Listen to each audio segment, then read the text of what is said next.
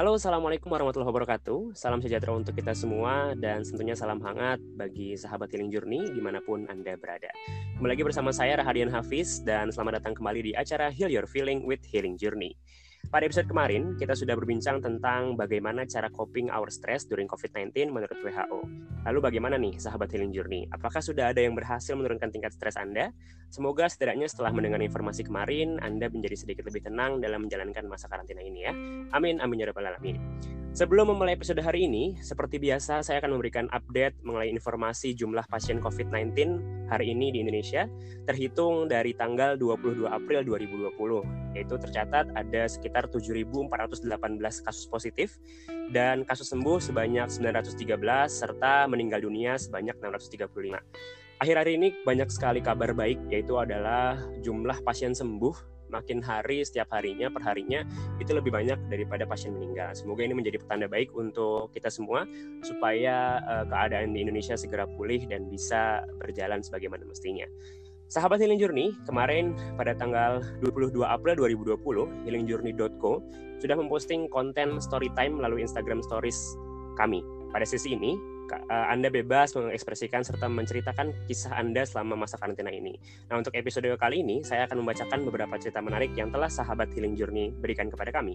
Namun, saya tidak sendirian karena saya ditemani oleh seorang wanita cantik, baik hati, humble, dan tentu saja pintar. Ia adalah seorang peneliti dalam bidang komunikasi psikologi dan komunikasi lintas budaya. Langsung saja saya undang, ini dia Kak Ratu Laura Mulia Baskara, atau yang sapa, akrab disapa Kak Oya. Apa kabar Kak Oya? Kabar baik. Halo, Hafiz apa kabar juga? Alhamdulillah, Kak ya senang sekali mendengar Kak ya semangat walaupun di masa-masa karantina seperti ini ya Kak ya. Ya, alhamdulillah masih semangat. Kakak dan keluarga sehat selalu ya Kak ya dalam kondisi seperti ini. Sehat selalu, alhamdulillah. Hafiz gimana keluarganya? Sehat juga? Alhamdulillah kak, karena kita saya sekeluarga kebetulan menjalankan semua anjuran dari pemerintah, jadi alhamdulillah sehat selalu sampai detik ini. Alhamdulillah. Semoga seterusnya sehat. Amin Kak, insya Allah. Terima kasih. Ya, ya. Kalau begitu Kak ya, sebelumnya saya ucapkan selamat datang dulu di acara Heal Your Feeling with Healing Journey. Terima kasih banyak sudah menyempatkan waktunya untuk mengobrol bersama kami di sini ya Kak ya. Ya terima kasih. Uh, saya juga senang sekali nih mendapat kesempatan diundang dalam acara ini dan langsung mengisi podcast. In, uh, sebenarnya nih podcast juga saya baru pertama kali uh, buat podcast, jadi merupakan pengalaman yang baru juga buat saya. Baik kau ya sama-sama. Semoga jadi manfaat untuk sama-sama ya kau ya ya. Ya, amin. Nah jadi Ki, kemarin kau ya di tanggal 22 April ini kami dari tim healingjourney.co di Instagram itu sudah share materi mengenai story time. Jadi semua sahabat Healing Journey ini bebas menceritakan kisah mereka selama masa karantina sampai detik ini. Jadi udah banyak banget cerita-cerita yang kita masuk yang masuk ke Instagram kita. Kita sudah bacain semuanya dan kita sudah sortir. Hari ini kita akan bahas semua cerita-cerita menarik dan nanti mungkin akan ditanggapi oleh Koya. Kayak udah siap ya Koya ya? Oke, siap. Selaksanakan. Suka nih kak kalau ini. Oke, kau ya langsung aja. Ini pasti sahabat Injuri sudah penasaran semuanya. Cerita pertama ini kak datang dari Instagram dengan username @safirsh. Dia bilang seperti ini kak waktu pada heboh soal coronavirus, seju sejujurnya gue juga panik. Soalnya kan gue kuliah PP atau pulang pergi, naik angkutan umum. Terus jadi kepikiran gue bakal ketularan nggak ya? Panik-panik asoy gitu, tapi nggak berlebihan sih, masih bisa dikontrol. Nah, cara gue untuk mengurangi panikan asat atas COVID-19 ini adalah dengan membatasi dan memilah-milah pemberitaan COVID-19. Jadi, gue tuh sengaja nggak terlalu banyak baca berita, sekiranya emang bermanfaat buat gue. Misalnya gimana caranya agar nggak nggak ketular, pokoknya yang positif gitu deh. Terus karena kita harus stay di rumah, gue banyak ngabisin waktu dengan nonton drakor, anime, atau movie lainnya yang ampuh banget untuk ngedistract kepanikan. Bener-bener jadi hiburan banget di masa karantina ini. Kalau udah fokus nonton, seakan lupa kalau ada COVID-19. Nah, menarik banget nih, kau ya. Sebenarnya apa yang dilakukan sama Safir ini kan salah satunya ada di materi yang kemarin sudah ada di episode kedua, itu tentang COVID coping with stress dari WHO, yaitu membatasi baca berita yang uh, berdampak negatif ke diri kita.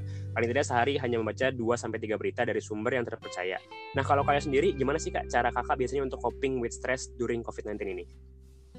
Oke, okay, kalau saya tentunya dimulai dari diri sendiri.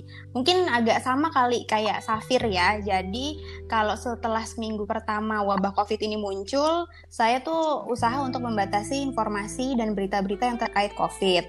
Terus juga selama COVID ini saya berusaha melakukan aktivitas-aktivitas menyenangkan. Contohnya rebahan. Hafiz suka rebahan nggak? Saya suka banget rebahan soalnya. itu semua manusia seperti itu kak kesukaannya. Betul. Uh, terus saya juga suka nonton-nonton film-film yang ringan dan menghibur. Uh, menghabiskan waktu bersama keluarga juga. Kebetulan akhir-akhir ini nih anak saya tuh yang uh, baru usianya lima tahun dia lagi suka melukis. Jadi otomatis saya sama suami saya juga ikut melukis dan itu merupakan aktivitas yang menyenangkan buat kami. Um, oh iya, saya juga eh, akhir-akhir uh, ini menghubungi beberapa teman-teman lama saya dari SMA, kuliah, sampai kerja dan menanyakan kabar mereka. Dan itu sangat menyenangkan mengetahui kabar mereka, jadi bisa berhubungan lagi, kontak-kontakan lagi, dan mengetahui kalau mereka tuh dalam keadaan sehat dan selamat. Itu sih. Oke, berarti ya, memang uh, kita paling penting untuk mendistraksi kepanikan itu dengan uh, menjalani hal-hal yang membahagiakan diri sendiri ya kak ya berarti. Betul sekali benar-benar soalnya saya secara saya pribadi juga saya hampir sama Koya saya juga kemarin sering banget uh, via Google Meet ketemu sama teman-teman lama saya untuk menanyakan kabar. Kemudian juga saya di Instagram cukup aktif untuk buat-buat konten seru-seruan dan konten-konten informatif buat mengisi waktu luang supaya nggak kepikiran nih kak tentang kepanikan tentang COVID-19 ini. Gitu Koya Yes, jadinya senang dan membahagiakan kan ya kalau kita punya hobi-hobi baru juga terutama tuh. Banget kak, karena di masa kayak gini ternyata hmm. banyak banget yang bisa digali, entah itu uh, hobi kita, terus juga passion kita juga di rumah bisa tetap disalurkan seperti masak-masak mungkin, terus juga main musik dan lain sebagainya. Ya yes, sudah banyak banget ya. Saya juga di Instagram saya tuh udah banyak banget uh, apa namanya teman-teman saya tuh mulai masak apa, masak ini. Ada yang workout tuh banyak tuh yang udah mulai olahraga ini itu. Udah pada banyak lah di Instastory saya. Iya kak bener, saya juga hmm. suka konten konten hmm. gitu kak. Selain suka, dia juga jadi ngiler kak. Kadang minta dipengen dikirimin, tapi nggak ada yang kirim sampai detik ini. Oke. Okay. Kita, ya. kita selanjutnya daripada kita ngomongin makanan ntar malah jadi makin lapar okay. Healing Journey ini cerita selanjutnya datang dari Instagram dengan username mf.adriansyah Halo Kak, Healing Journey yang saya lakuin sebenarnya mencoba melakukan hal-hal yang berkaitan dengan self development dan refleksi diri. Mulai dari buat podcast lagi sama seperti kita nih, bikin buku, mulai workout, skincarean, dan ibadah lebih pol-pola. Terima kasih Healing Journey. Terima kasih juga at mf.adriansyah karena telah berbagi cerita. Nah setelah mendengar cerita ini, saya menandai satu kalimat penting kayak yaitu adalah self development dan refleksi diri. Nah mungkin sahabat Healing Journey ada yang belum mengerti nih kak dengan pengertian self development dan refleksi diri itu sendiri. Menurut kakak sebenarnya self development atau refleksi diri itu seperti apa sih kak dan apa hubungannya dengan self healing? Oke, okay, self development ini sebenarnya kan merupakan sebuah proses. Jadi uh, proses di mana misalnya seseorang individu itu memperluas, mengembangkan dirinya, mengembangkan potensinya ke arah yang dia inginkan. Jadi kalau menurut Maslow nih, uh, pelopor psikologi humanistik yang terkenal, dia bilang kalau pengembangan diri ini merupakan suatu usaha individu untuk memenuhi kebutuhan aktualisasi diri. Uh, apa itu aktualisasi diri? Jadi aktualisasi diri ini merupakan level tertinggi kebutuhan manusia di mana seseorang ini dapat memaksimalkan kemampuan dan potensi dirinya. Nah, kalau refleksi diri, simpelnya adalah seperti kita sedang bercermin. Kita mencoba menilai diri kita sendiri, melakukan introspeksi, uh, merenungi pengalaman-pengalaman dan kesalahan masa lalu kita, dan mencoba menjadi pribadi yang lebih baik.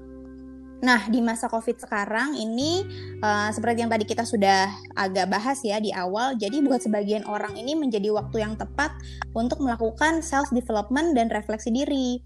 Contohnya kalau uh, di media sosial kita tadi sudah bahas sedikit banyak sekali orang-orang yang mulai melakukan hobi barunya misalnya coba-coba uh, masak atau misalnya bisa juga ada yang uh, bis, uh, apa namanya membuat bisnis baru, menulis, juga bikin podcast kayak yang kita lakukan sekarang ini. Uh, lalu apa hubungannya dengan self healing? Nah, self healing ini seperti yang kita ketahui, ini adalah merupakan sebuah proses penyembuhan diri dari luka batin, dari pengalaman-pengalaman kita di masa lalu yang tidak mengenakan.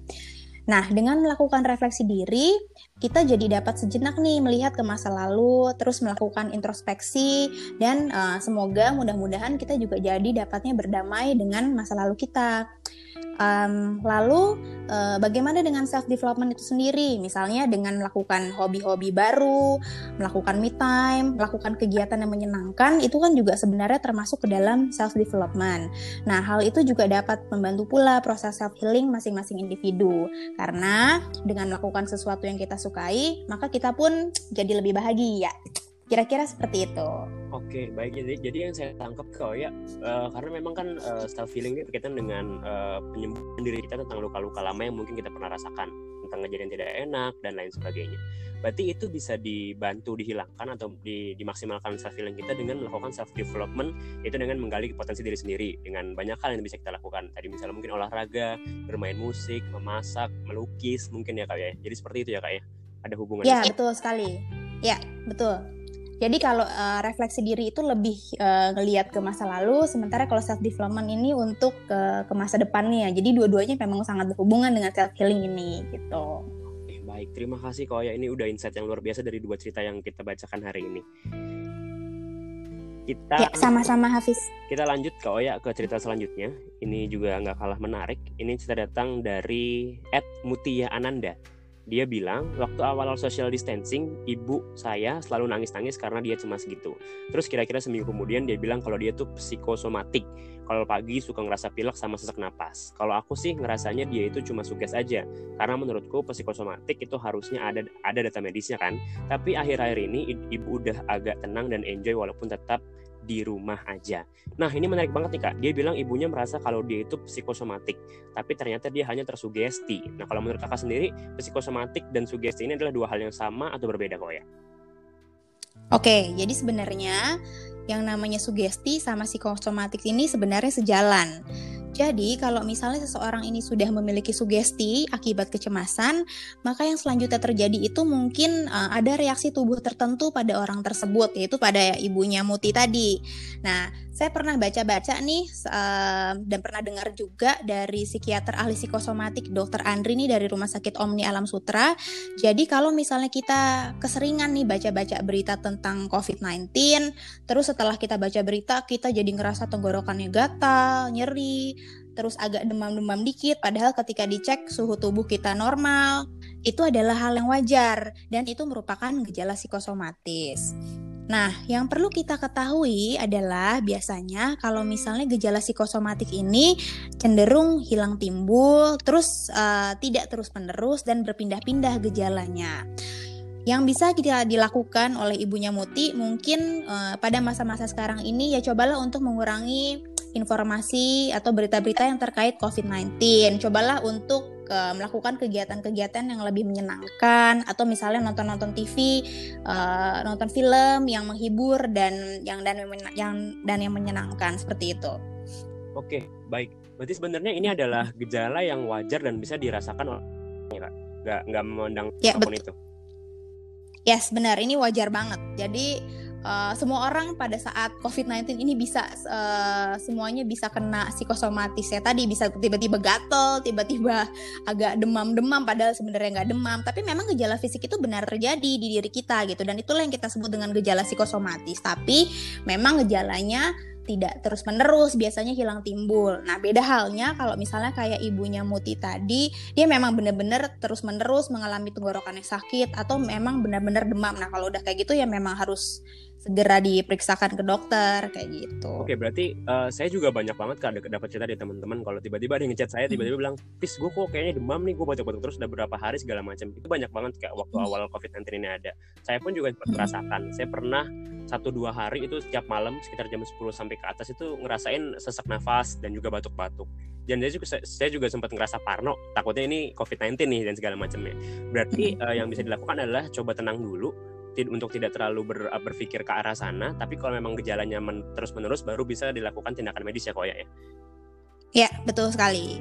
Pokoknya yang penting tenang dulu dan kita membatasi informasi COVID-19 sampai kita benar-benar merasa uh, badan kita normal kembali kayak gitu. Oke, baik terima kasih kok ya. Semoga ini bisa didengar sama Muti langsung juga bisa disampaikan ke ibunya dan mungkin banyak juga teman atau sahabat healing journey yang juga merasakan hal ini juga bisa jadi lebih tenang ke depannya.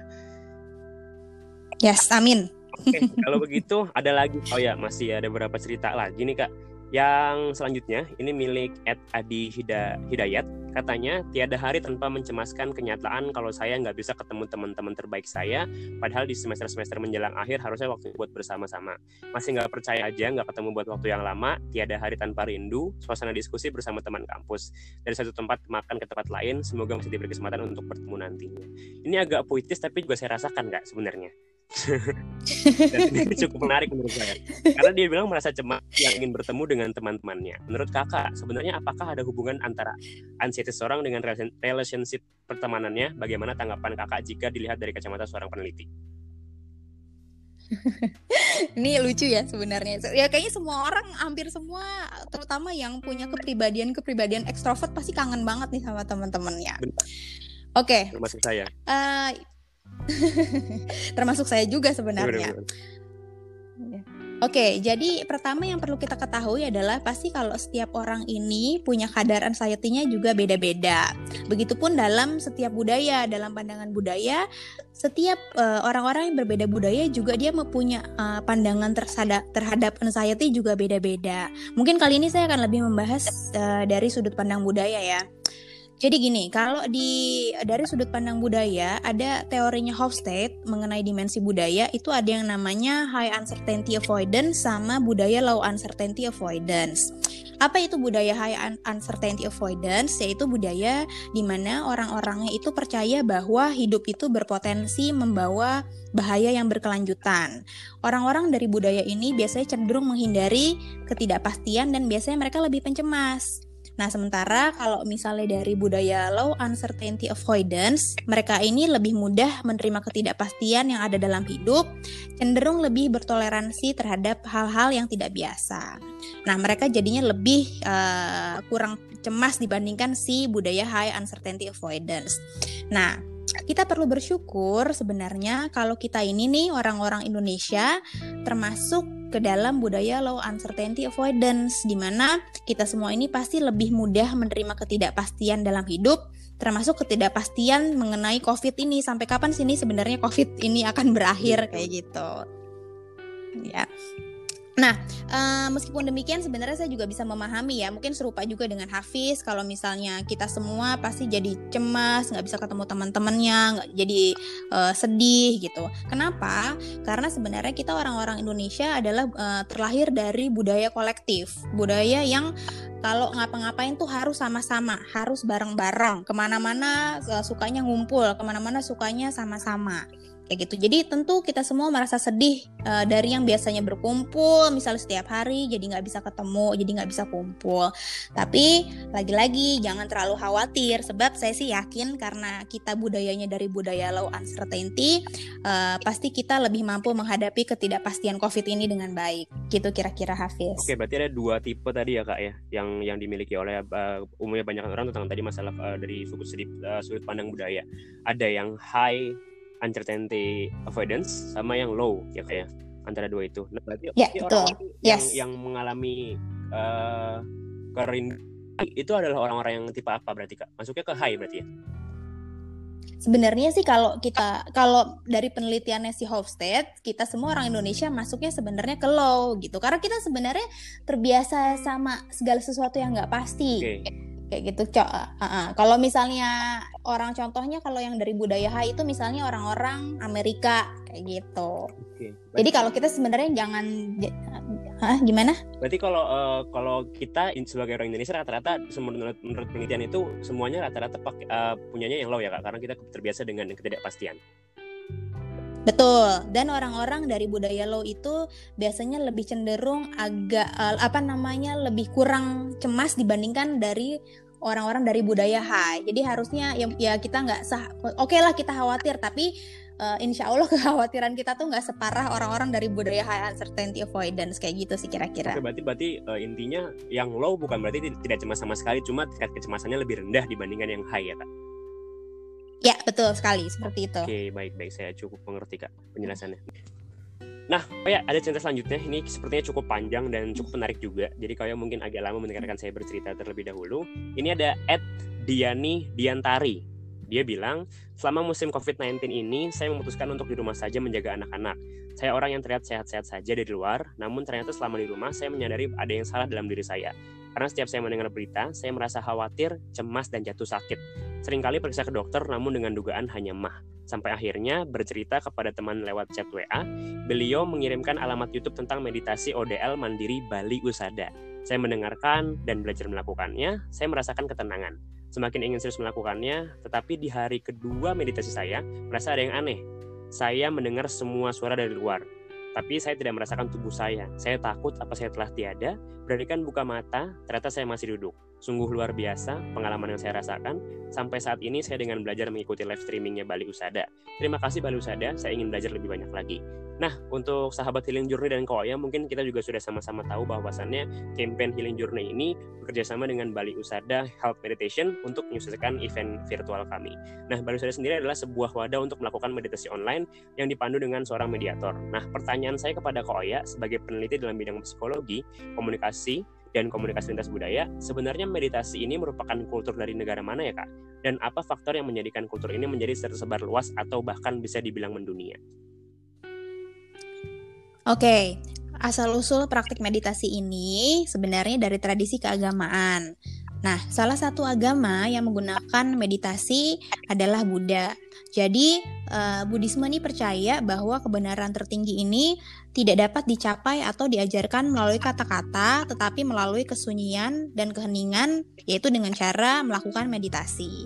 Dalai Lama juga pernah mengatakan bahwa kesunyian itu terkadang merupakan jawaban yang terbaik.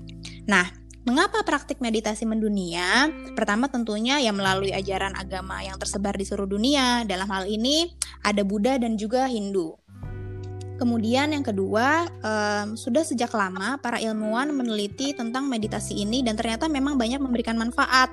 Jadi pada prinsipnya mungkin banyak orang-orang yang bermeditasi tanpa tertarik dengan latar belakang spiritualnya. Sebab melalui beberapa penelitian diketahui kalau misalnya meditasi itu ternyata banyak memberikan efek positif dan manfaat yang bervariasi bagi banyak orang. Kira-kira seperti itu Hafiz. Oke, baik. Berarti di, di, di masa seperti ini sepertinya penting juga untuk dicoba untuk bermeditasi ya Kak ya untuk bisa menenangkan diri lebih dalam lagi. Betul sekali, penting. Apa pun agamanya, uh, nggak ngaruh jadi tetap aja bisa melakukan meditasi. Karena memang ternyata banyak orang-orang yang udah tidak melihat background spiritualnya tapi banyak yang melakukan meditasi untuk uh, menyembuhkan diri seperti itu. Dan memang sepertinya saya juga banyak banyak dengar cerita dan juga banyak baca-baca. Banyak juga yang berhasil memang hmm. akhirnya menenangkan diri dengan meditasi ini. Nah untuk karena itu sahabat healing journey jangan lupa nanti di hari Sabtu untuk mendengarkan meditasi bersama dengan Bali Usada itu nanti ada di jam 9 malam waktu Indonesia Barat. Jadi teman-teman jangan lupa untuk uh, pantengin terus Instagram dan juga Twitter Twitter dari @healingjourney.co. Kayo juga ikutan jangan lupa ya kak ya. Insya Allah ikutan. Baik, siap kalau begitu kak ya. Ini menarik banget. Tapi nanti. Kenapa? Iya, nanti diajarin dong caranya pakai mixer apa mixler ya? Saya belum pernah tuh pakai mixler. Oh iya, di mixler nanti kita uh, mm -hmm. di. Mm -hmm. Nanti kita juga dari tim Healing Journey akan memberikan ke semua sahabat Healing Journey gimana cara menggunakan mixler supaya mudah untuk diakses. Gitu kak ya. Oke, okay, sip. Thank you. Sama-sama kok ya. Oke, uh, ini kayaknya menarik banget kok ya pembahasan kita hari ini. Selain menarik, ternyata juga membuka wawasan kita sehingga kita jadi mendapatkan ilmu yang bermanfaat. Kalau saya boleh cerita kok ya, saya boleh cerita nggak nih kak? Tadi kan cerita orang-orang terus nih. Hmm. Kalau saya cerita, tapi nggak usah ditanggapin nggak apa-apa sih kak. boleh dong, silahkan. Boleh kak, ya. Diceritakan okay. ya. tadi, tadi udah saya bilang sama Koya di awal kalau saya sempat kerasain cemas kak waktu di awal-awal Eh, masa-masa karantina di COVID-19 ini karena saya sempat merasakan gejala-gejala seperti dari sesak nafas, batuk dan lain sebagainya. Cuma saya memang mencoba untuk lebih tenang dan karena sebenarnya saya orang juga nggak terlalu suka baca berita, mungkin ada keuntungannya juga kali ya kak ya. Jadi saya nggak terlalu merasakan cemas setiap harinya gitu. Tapi sesekali saya saya masih lihat berita sekedar hmm. untuk melihat uh, uh, data setiap harinya data positifnya, data orang sembuhnya dan data orang meninggalnya setiap harinya saya update terus untuk hal itu. Dan hal yang paling saya rasakan sebenarnya hampir mirip sama yang tadi Adi Hidayat ceritakan bahwasannya saya selalu rindu Kak dengan kehidupan kampus saya seperti bisa berbincang langsung dengan teman-teman, kemudian juga bisa bertatap muka langsung dengan dosen-dosen, jadi bisa ada interaksi sosial yang memang lebih jelas gitu loh kak. Dan uh, tapi ada satu yang, yang saya rasa ini manfaat uh, adanya masa karantina atau pandemi seperti ini, saya jadi punya banyak waktu dengan keluarga saya. Yang tadinya saya nggak pernah di rumah kak, jarang banget, mungkin kebanyakan di kampus atau di luarnya. Jadi saya lebih banyak waktu untuk berbincang sama keluarga, terus ber, bersenda gurau dan uh, sharing-sharing sama keluarga. Jadi itu sih kak yang saya rasakan selama pandemi ini. Nah kalau kak Auya, apakah pengalaman yang dirasakan selama pandemi ini? Oke, okay, sebenarnya nggak jauh beda sih ya sama Hafiz gitu. Apalagi kayaknya kita sama-sama orang yang ekstrovert, pengennya ketemu sama banyak orang karena kita dapat energinya dari teman-teman kita kan kayak gitu kebanyakan. Ya, um, tapi gini, um, oke, okay, saya pribadi nih sebenarnya orangnya tuh cukup pencemas. Tapi pada masa COVID sekarang ini, saya tuh berusaha meyakinkan diri saya berulang kali um, bahwa kita semua nih jadi nggak cuma saya doang tapi kita semua seluruh Indonesia bahkan seluruh dunia nih mampu menghadapi dan melewatinya dengan baik. Kenapa saya uh, berkata demikian? Karena kalau saya nih ngelihat COVID-19 ini seperti melihat sebuah culture shock atau yang kita sebut dengan gegar budaya. Apa itu culture shock? Culture shock itu adalah keadaan mental yang terjadi ketika seseorang ini pindah dari budaya lamanya ke budaya baru dari lingkungan yang tadinya uh, ia kenal ke dalam lingkungan baru yang ia tidak kenal dan menemukan bahwa pola perilakunya yang dahulu tuh tidak lagi efektif. Nah, uh, kita pun sekarang merasakan hal yang seperti itu. Jadi kita dari dulu dari budaya yang lama yaitu budaya keluar rumah ke mana-mana bebas ngapa-ngapain ngapain di luar rumah. Jadi pindahlah ke dalam uh, budaya baru yaitu budaya stay at home. Nah, um, si culture shock ini dia tuh punya uh, empat fase. Jadi se secara sadar atau nggak sadar sebenarnya kita sedang mengalami eh, fase-fase uh, yang ada di dalam culture shock. Nah, fase pertama itu adalah kita sebut dengan honeymoon phase atau fase bulan madu. Jadi biasanya ini dirasakan sama kayak orang-orang yang baru menikah dan merasakan bulan madu. Fase ini tuh isinya tuh kegembiraan, eh, harapan-harapan, dan euforia. Nah, di masa COVID-19 ini buat sebagian orang tuh sebenarnya bekerja dari rumah, kuliah dari rumah, uh, itu merupakan kegembiraan tersendiri. Jadi orang-orang tuh nggak perlu capek-capek lagi keluar rumah, nggak perlu macet-macetan, dan bisa quality time dengan keluarga. Kemudian selanjutnya uh, ada yang kita sebut uh, dengan fase krisis. Mungkin sebagian dari kita uh, sudah mulai masuk ke dalam fase ini, di mana um, fase krisis ini uh, mulai timbul saat uh, kita sudah merasa tidak nyaman, uh, rasa ingin menolak tetapi tidak dapat berbuat apa-apa. Sebagian dari kita tentu uh, mungkin sudah mengalami ya perasaan-perasaan seperti ini. Misalnya kayak nggak boleh keluar rumah, nggak uh, boleh keluar rumah sembarangan, nggak boleh apa nggak bisa nonton film, nggak bisa nonton bioskop, nggak bisa jalan-jalan ke mall, nggak bisa makan di restoran dan sebagainya. Belum lagi uh, banyak lagi berita-berita yang menakutkan tentang COVID dan itu pasti jadi uh, menimbulkan kecemasan. Nah, um, kalau fase krisis ini yang sedang kita lewati ini, yang kita sedang lalui ini bisa terlewati dengan baik, maka sebenarnya kita akan berpindah ke fase selanjutnya yaitu fase adjustment, di mana fase ini dimulai ketika individu mulai mengerti budaya barunya. Misalnya contoh uh, simpelnya adalah uh, misalnya ibu-ibu yang working mom uh, saat ini jadinya kerja di rumah dan dia bisa mulai membagi waktu antara uh, pekerjaan dia di kantor yang dibawa ke rumah dengan pekerjaan apa uh, anaknya yang juga ikut-ikutan jadinya school from home seperti itu. Nah, fase terakhir yang saya harapkan kita bisa mendap uh, sampai ke titik in, uh, itu adalah fase adaptasi. Nah, uh, di fase adaptasi inilah kita semua sudah dapat berfungsi dengan baik dan hidup terasa lebih mudah. Um, saya percaya sebenarnya uh, sebagian dari kita pasti akan mampu melewati fase krisis ini dengan baik dan sampai pada fase adaptasi. Jadi uh, mudah-mudahan nih ya nanti kita akan sampai pada titik di mana kita mampu melakukan semua perilaku yang efektif, kita bisa merasa nyaman kembali dan terbiasa dengan budaya baru kita yaitu budaya stay at home. Kira-kira begitu Hafiz. Oke, berarti sebenarnya fase uh, karantina ini kita mengalami dari dari sudut dari sudut pandang budaya adalah mengalami culture shock ya kok ya ya yang tadi terbagi menjadi iya. masing-masing orang mungkin sedang men mengalami tahapan yang berbeda-beda ya kak ya. Mungkin ada yang masih di tahap kedua atau mungkin sudah tahap ketiga dan lain sebagainya. Itu berarti semua orang nggak seragam kan kak? Atau pasti beda-beda atau bagaimana kak kira-kira?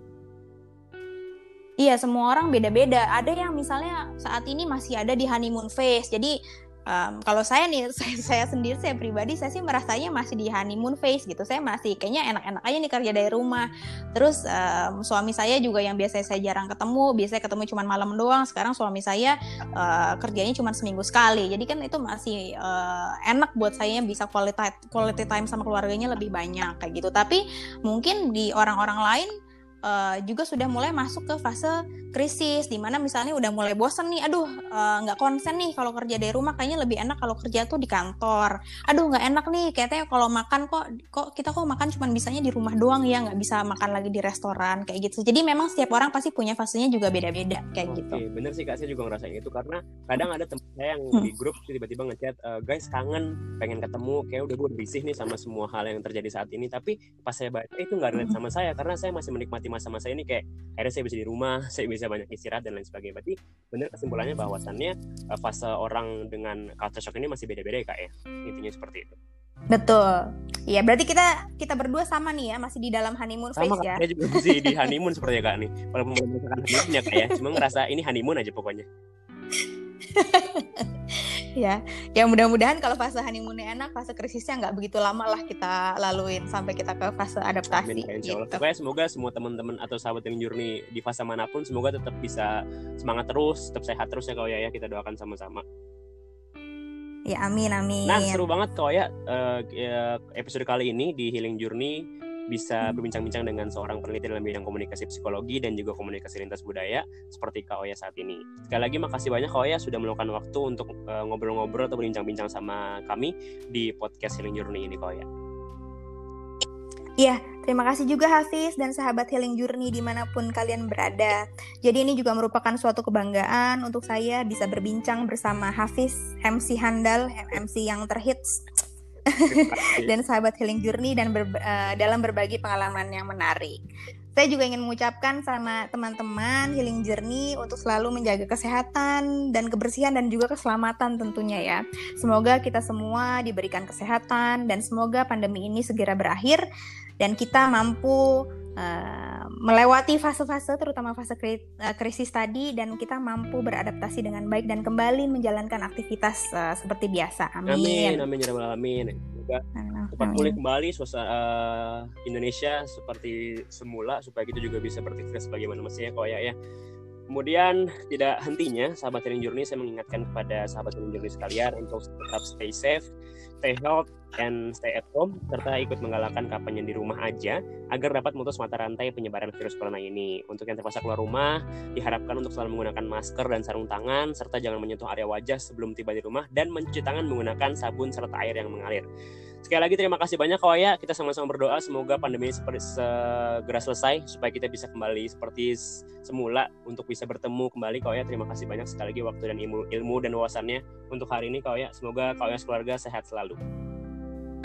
Amin amin. Terima kasih juga Hafiz. Semoga Hafiz dan keluarga juga sehat selalu. Amin. Insya Allah semoga juga sahabat Healing Journey selalu sehat selalu di mana pun anda berada.